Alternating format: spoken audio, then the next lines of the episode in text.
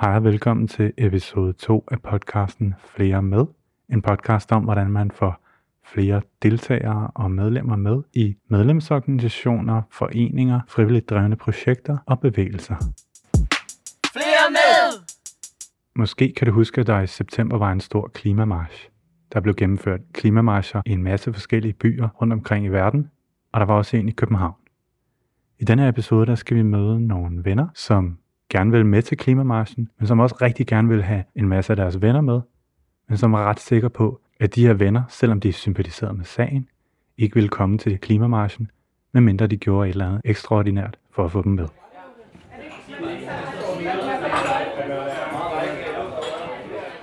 Nu øh, står jeg her i øh, kollegiet Regensens gård sammen med Alexander Thorvaldsen, som lige har holdt en, øh, en brunch sammen med, med to venner for en masse af jeres venner øh, inden klimamarschen her i København. Yes. Hvorfor har I gjort det? Jamen, altså først og fremmest fordi vi synes, at den der klimamarsch er øh, vildt fed og vildt vigtig. At man jo øh, både her i København, men over hele verden ligesom vil have folk til ligesom at, at råbe politikerne og magthaverne op, om at der, skulle, der skal være en, en grøn omstilling nu. Og øh, så var en brunch bare en, en vild god måde ligesom at række ud til alle dem, vi kender, eller vores kammerater eller venner, som vi nok synes, det er en fed demonstration, men som måske lige har brug for det sidste puff, øh, og nogen at følges med, for at de ligesom vil gøre det. Ja, så derfor har vi, vi har været 30, og er 30 mennesker, der lige tager afsted mod klimamarchen nu, har mødtes og spist og drukket kaffe og sunget sange, og ja, helt på hinanden på kryds og tværs. Ja, det var virkelig mig, der, der bare tænkte, at det kunne være sjovt, og så spurgte jeg Ida, som var den ene, og Mathias, der var den anden, om ikke bare vi skulle prøve at arrangere sådan en, en formiddagsting. Og de sagde ja med det samme.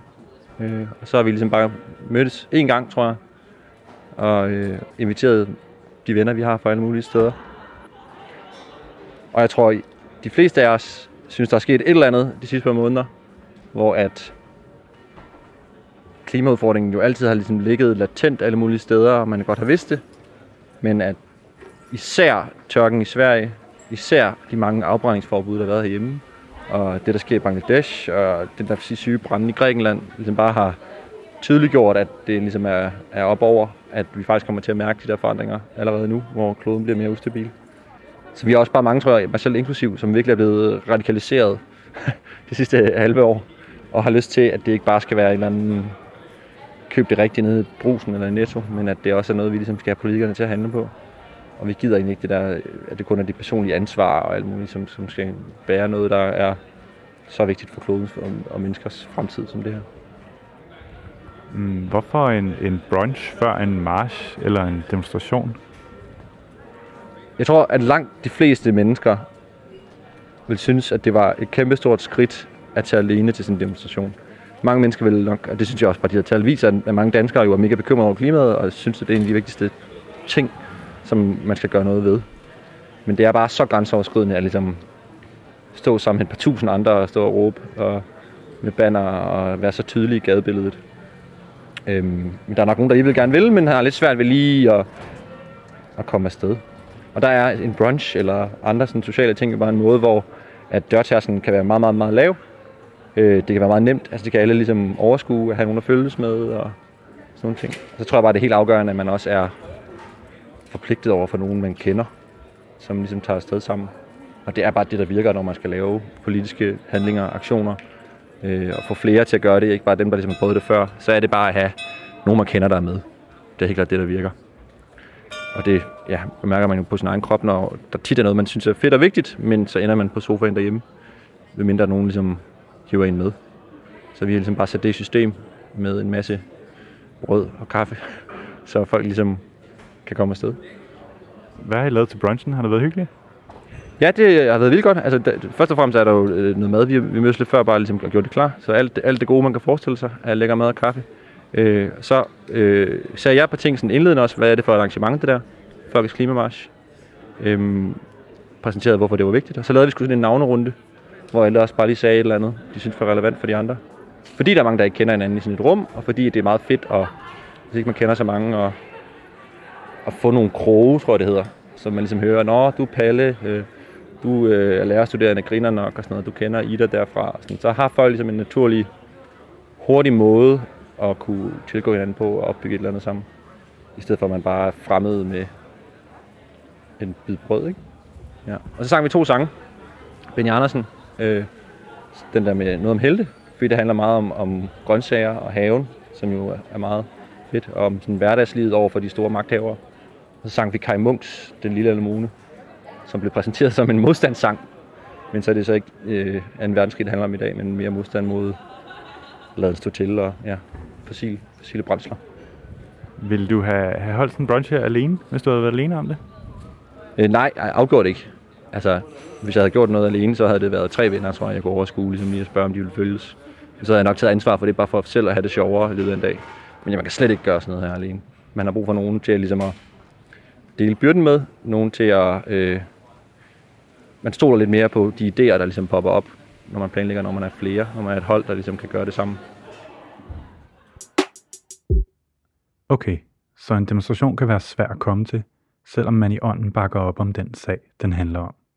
Og her kommer brunchen ind som en aktivitet, det er lettere at dukke op til, og som samtidig har den effekt på deltagerne, at det bliver lettere for dem at komme til selve klimamarschen. Alexander taler om, at dørtasken ikke er så høj til brunchen som til demonstrationen. Vi kan kalde brunchen en lavtærskelaktivitet, og demonstrationen en højtærskelaktivitet. Hvis vi skal forestille os en lavtærskelaktivitet, så kan vi forestille os en indgangsdør til et hus, hvor stueplan er højere end terrænet udenfor, så højt, at hvis man skal træde direkte fra terræn op til stuegulvet, så er det kun nogle få mennesker, der er i stand til at komme op og ind i huset. Men hvis vi sætter et trin ind, en lavtærskelaktivitet, som man kan træde op på, før man skal forsøge sig med at træde ind i huset, så er der mange flere, der kan komme ind og være med. Her er det en march, en demonstration, der af forskellige årsager kan være svær for nogen at komme til. Også selvom de egentlig synes, at sagen er vigtig. Nu ved jeg jo ikke, om du lytter tit arrangerer demonstrationer eller prøver at få dine venner med til en, men måske har du en anden aktivitet i din forening eller dit fællesskab, som du ved er en højtærskelaktivitet eller mistænker for at være det. Der findes i hvert fald masser af højtærskelaktiviteter i forenings- og bevægelses Danmark, som af en eller anden grund er svære at dukke op til for en stor del af dem, der ellers kunne være i målgruppen for foreningen eller fællesskabet. Det kan være generalforsamlinger, weekendkurser, online afstemninger, fyraftensmøder, arbejdsdage og alt muligt andet, som der ikke er så mange deltagere til, som man håbede på. Du kan for eksempel bruge ideen om højtærskelaktiviteter til at gennemgå jeres aktiviteter og overveje, hvor de høje tærskler er, og hvor det er det største problem for jer, at der kommer for få deltagere. Og du kan bruge begrebet lavtærskelaktivitet til at overveje, om I kan få lavtærskelaktiviteter i spil – så det bliver lettere for flere i jeres målgruppe at deltage, og måske nå frem til de vigtigste af jeres højtærskelaktiviteter. Det kan være ved at finde på helt nye aktiviteter, der ikke plejer at være en del af det, I laver, eller det kan være ved at rykke rundt i kalenderen, i prioriteterne og i jeres kommunikation, så de lavtærskelaktiviteter, I allerede har, leder mere naturligt frem mod de vigtigste af jeres højtærskelaktiviteter. Endelig kan du også bruge de to begreber til at overveje, om det er muligt simpelthen at gøre tærsklen lavere til de af jeres aktiviteter, som har en for høj tærskel i dag. Helt generelt, så tror jeg, at et godt skridt på vejen er bare at begynde at tale om, hvad der kan gøre det svært for nogle af de deltagere, der ikke kommer så mange af i dag. Det kunne være en bestemt aldersgruppe, eller nogen med en bestemt uddannelsesbaggrund, eller fra et bestemt geografisk område, eller personer med eller uden foreningserfaring. Måske kan I ændre på jeres aktiviteter, så dørtasken bliver lavere. Tilbage til vennerne, der arrangerede brunch. Nu er vi nemlig kommet videre til klimamarschen. Hej Ida. Hej Mathias. Hvad, hvad, hvad tænker du der om det der med at holde en, en brunch før, før en march?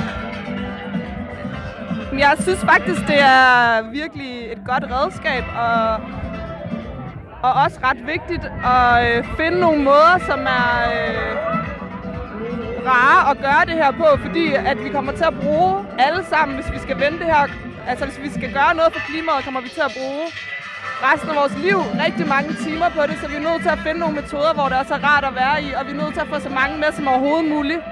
Og hvis øh, det gør, at vi skal lave en brunch inden, så flere kommer med til en mars, så synes jeg, det er en rigtig fin model, og det var også mit indtryk, at der var rigtig mange, som er her nu til marsen, fordi øh, det var jo ligesom, en, altså hvis man skulle med til brunchen, så skulle man også komme til marsen. Det er, en, det er ikke, øh, man kan ikke bare komme og spise, og så ikke øh, rydde op efter sig. Øh, så det har jo haft en stor effekt, og jeg, vi har også allerede nu talt om, at øh, der var sådan en ret fed social hype, som om der rørte sig noget, og folk synes, det var fedt. Så måske skal vi lave et eller andet nyt klima-event for de samme mennesker snart. Tror, tror, det noget, tror du, det er noget, andre kan bruge til noget? Ja. Jeg tror, at ideen om at øh, tænke mobilisering eller øh, få folk med til ting, øh, og tænke, det også skal have en social dimension, er ret vigtigt. Altså, som jeg også snakkede med nogle af dem, der var til klimabrunchen om, vi vil jo alle sammen tit øh, sådan i øh, idémæssigt helt vildt gerne. Der er min far. Er det en, er det en smart må- metode? Ja, ja, er det noget, ja, er det noget andre, der kan lære noget af? Ja, det synes jeg nemlig godt, man kan, fordi øh, som jeg har snakket med nogle af dem, der deltog i brunchen om, så er der helt vildt mange mennesker, som rigtig gerne vil være med til at lave øh, forskellige former for aktivisme, men det kan være virkelig svært at komme for eksempel til en demonstration og gå alene, eller ikke rigtig vide, hvor man hører til i en demonstration. Så jeg tror ikke, man skal undervurdere øh, værdien af at skabe et trygt rum for at deltage i politik. Og et trygt rum kan fx være, at man har været til en brunch og mødt en masse søde mennesker.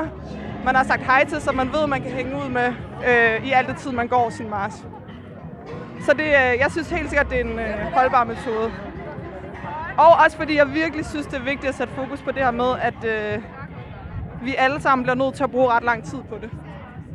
Så derfor er det også meget godt, at det er fedt nogle gange. Når det er en march eller en demonstration, der er højtærskelaktiviteten, så er det en anden type lavtærskelaktivitet, der er blevet brugt meget gennem tiden.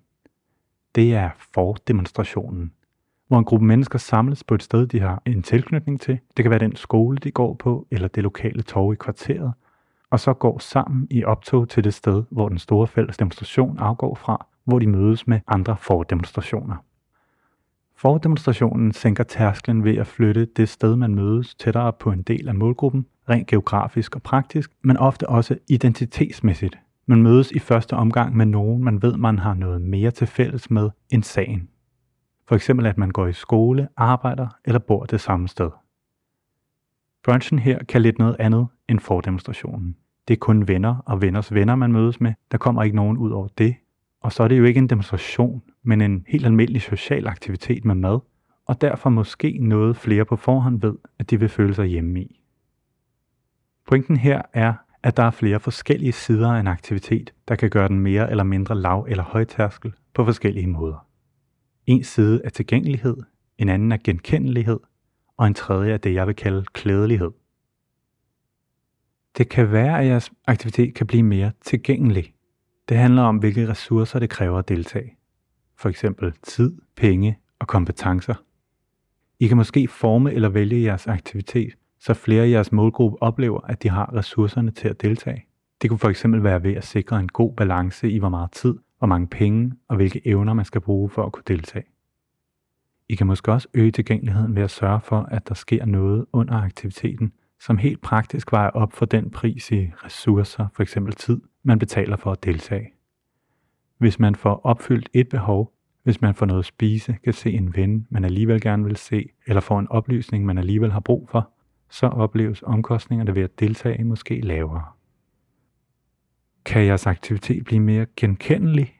Det handler om at styre koblingerne mellem jeres aktivitet og de erfaringer og oplevelser, jeres målgruppe har fra andre sammenhænge, så det bliver mere tydeligt for dem, at det er en god aktivitet at deltage i. Kan I forme jeres aktivitet, så jeres målgruppe har nemt ved at se og forstå, hvad det er, der skal ske, og hvordan de kan indgå i det? Kan den indeholde en helt almindelig aktivitet, som alle ved, hvad går ud på? Kan I gøre det mere tydeligt, at der kommer andre, som man kan regne med at have meget til fælles med? Kan I få jeres aktivitet til at minde jeres målgruppe om andre gode og stærke oplevelser, de har haft? Det kan også være værd at overveje, om aktiviteten kan blive mere klædelig. Det handler om identitet, om matchet mellem jeres aktivitet og selvbilledet hos personerne i jeres målgruppe. Forestil jer, at folk i jeres målgruppe spørger sig selv, kan jeg se mig selv i det her? Og hvis jeg deltager, har jeg så lyst til at fortælle om det til mine kollegaer på arbejdet, eller til mine venner, eller ved middagsbordet derhjemme. At finde på lavtærskelaktiviteter, eller at lavtærskle de aktiviteter, man allerede har, det handler om at sænke barriere. Det er smart at fokusere på, hvis du ved, at jeres målgruppe i forvejen synes, at sagen eller formålet med aktiviteten er vigtig, men undrer dig over, at de ikke dukker op alligevel. Men hvis folkene i jeres målgruppe ikke allerede brænder lidt for jeres sag, så skal du selvfølgelig ikke glemme, at der også er en masse ting, I kan gøre, som handler om at få din målgruppe til at forstå, at det er vigtigt og meningsfuldt at deltage. Men det lover jeg, at der kommer mere om i andre episoder af flere med. Men hvad er det, Ida og Alexander håber på helt overordnet, at der kommer til at ske ved at de arrangerer klimabrunchen og ved at de deltager i klimamarschen? Den her march, I København. øh, ja, i København, er der noget særligt, som, som du har syntes at være inspirerende ved den? Altså, hvis, hvis du, at du ville tage til den her, inden, inden du snakkede med Alexander? Ja, det vidste jeg godt. Ja, jeg havde planlagt at tage til den.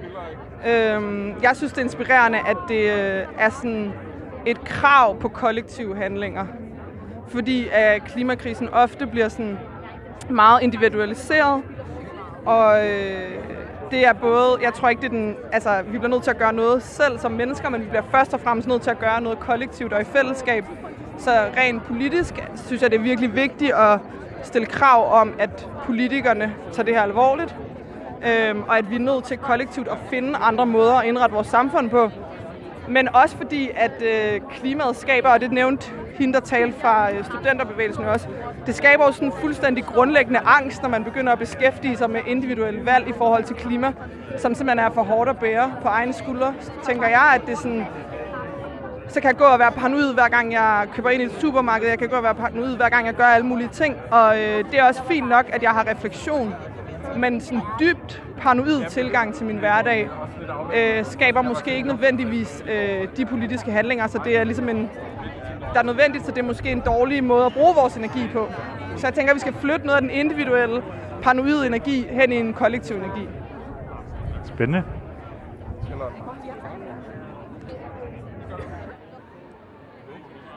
Alexander, hvad, hvad tænker du om øh, sammenhængen mellem at være til klimamarsch og så sådan noget med individuelt forbrug, og, ja. Og hvad det betyder for klimaspørgsmål?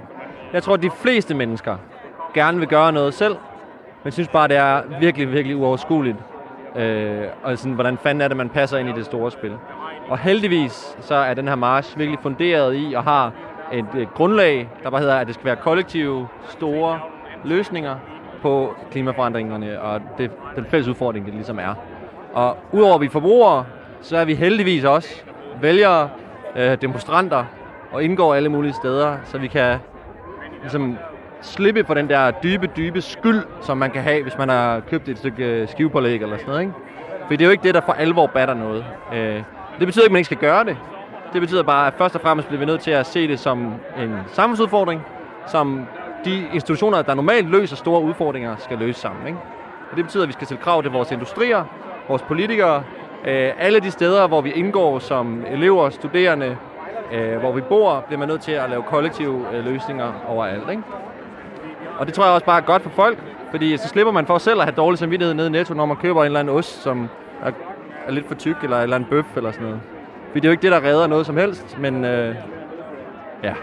Klart, ja, klart. Øh, øh, du kalder det, øh, du kalder det dårlig samvittighed. Jeg tror, Ida kaldte, kaldte du det ikke paranoia, det vi talte sammen. Jeg kalder det paranoia eller angst. Men jeg kan, altså, apropos det, Alexander siger, så kan jeg bare godt lide tanken om at tænke, at øh, vi har en eller anden energimasse, politisk energimasse. Alle mennesker har en eller anden form for politisk energirum, og det kan vi bruge individuelt ved at få, som Alexander faktisk sagde i morges til Brunson, på paranoia, når vi køber ind.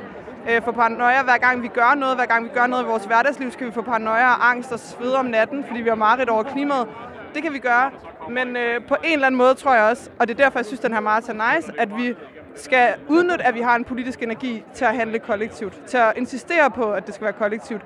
Og også fordi, at altså jeg tror helt seriøst, vi bliver nødt til at finde nogle måder, hvor vi kan lave de her protester på en nice og rar måde, fordi vi kommer til at skulle gøre det resten af vores liv. Vi kommer til at skulle bruge så lang tid på det. Så vi er også nødt til at finde nogle metoder, som ikke kun er baseret på paranoia. Vi er også nødt til at finde nogle fælles kollektive metoder, som er rare at være i, fordi vi skal bruge så lang tid på det her. Vi skal bruge så lang tid på at kæmpe for det her.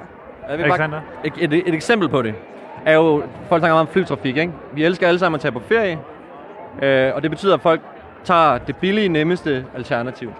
Og det vil være så nemt, hvis man investerede massivt i hurtige eltog, så man kunne komme hurtigt ned til Syditalien og faktisk få noget sol, når det er noget lortevejr, indføre massive afgifter eller rationeringer af flytrafik, sørge for, at der er elfly, øh, skifte og bruge direkte afgifter på CO2, og så give folk en ekstra ferieuge.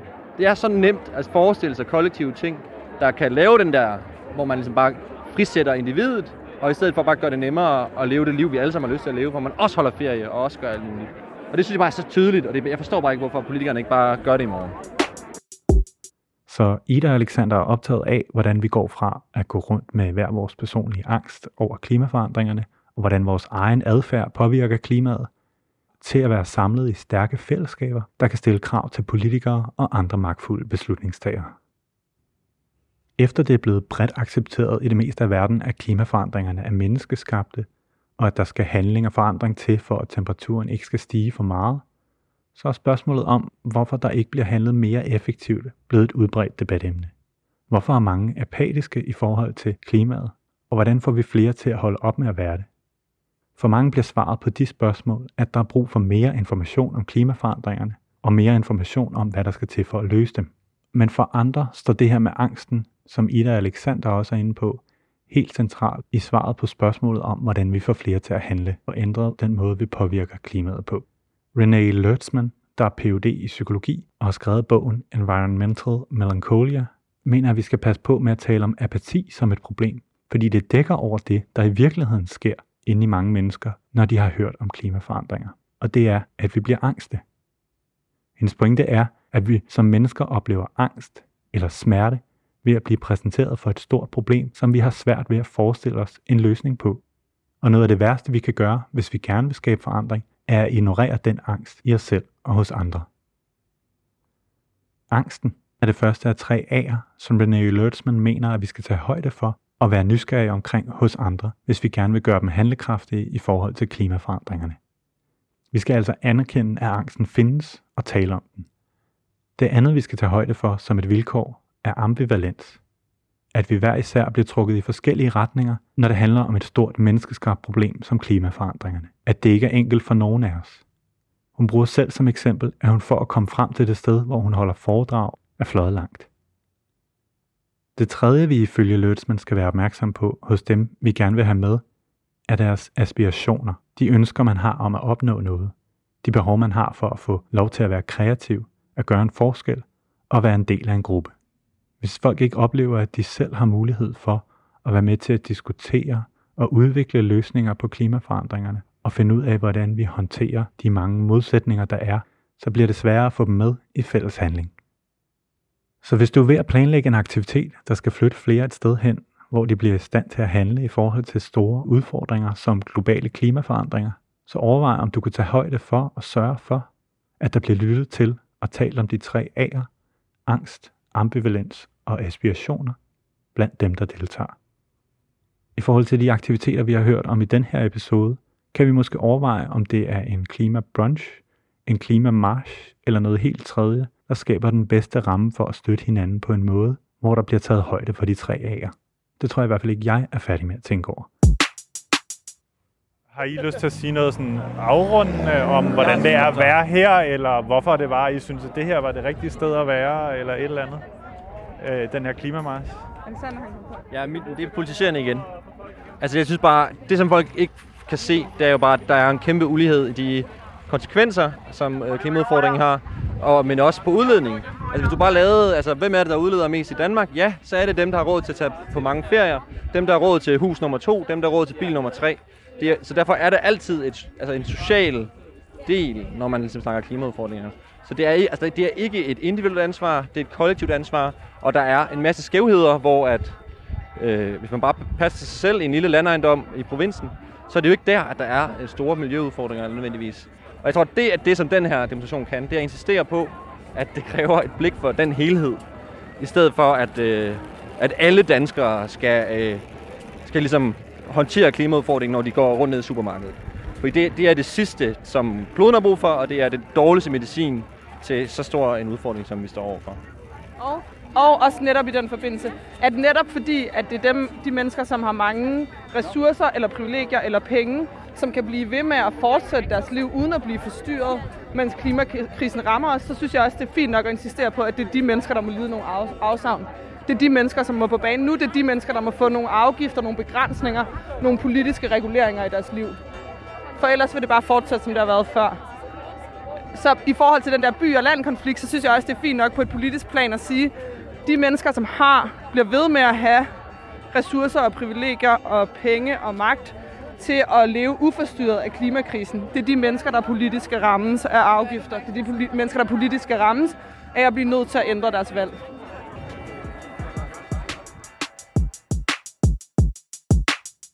Tak fordi du vil lytte med på episode 2 af podcasten Flere Med. Næste episode bliver sidste episode af 3, der fokuserer på, hvordan der kommer flere med i grønne organisationer og bevægelser.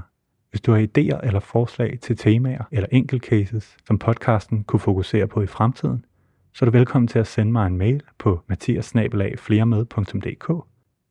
Hvis du gerne vil dykke ned i nogle af de emner, der har været en del af denne episode, så gå ind på fleremed.dk og find episode 2 og episodenoterne til den. Der er flere links, for eksempel til en forelæsning af Løsmen.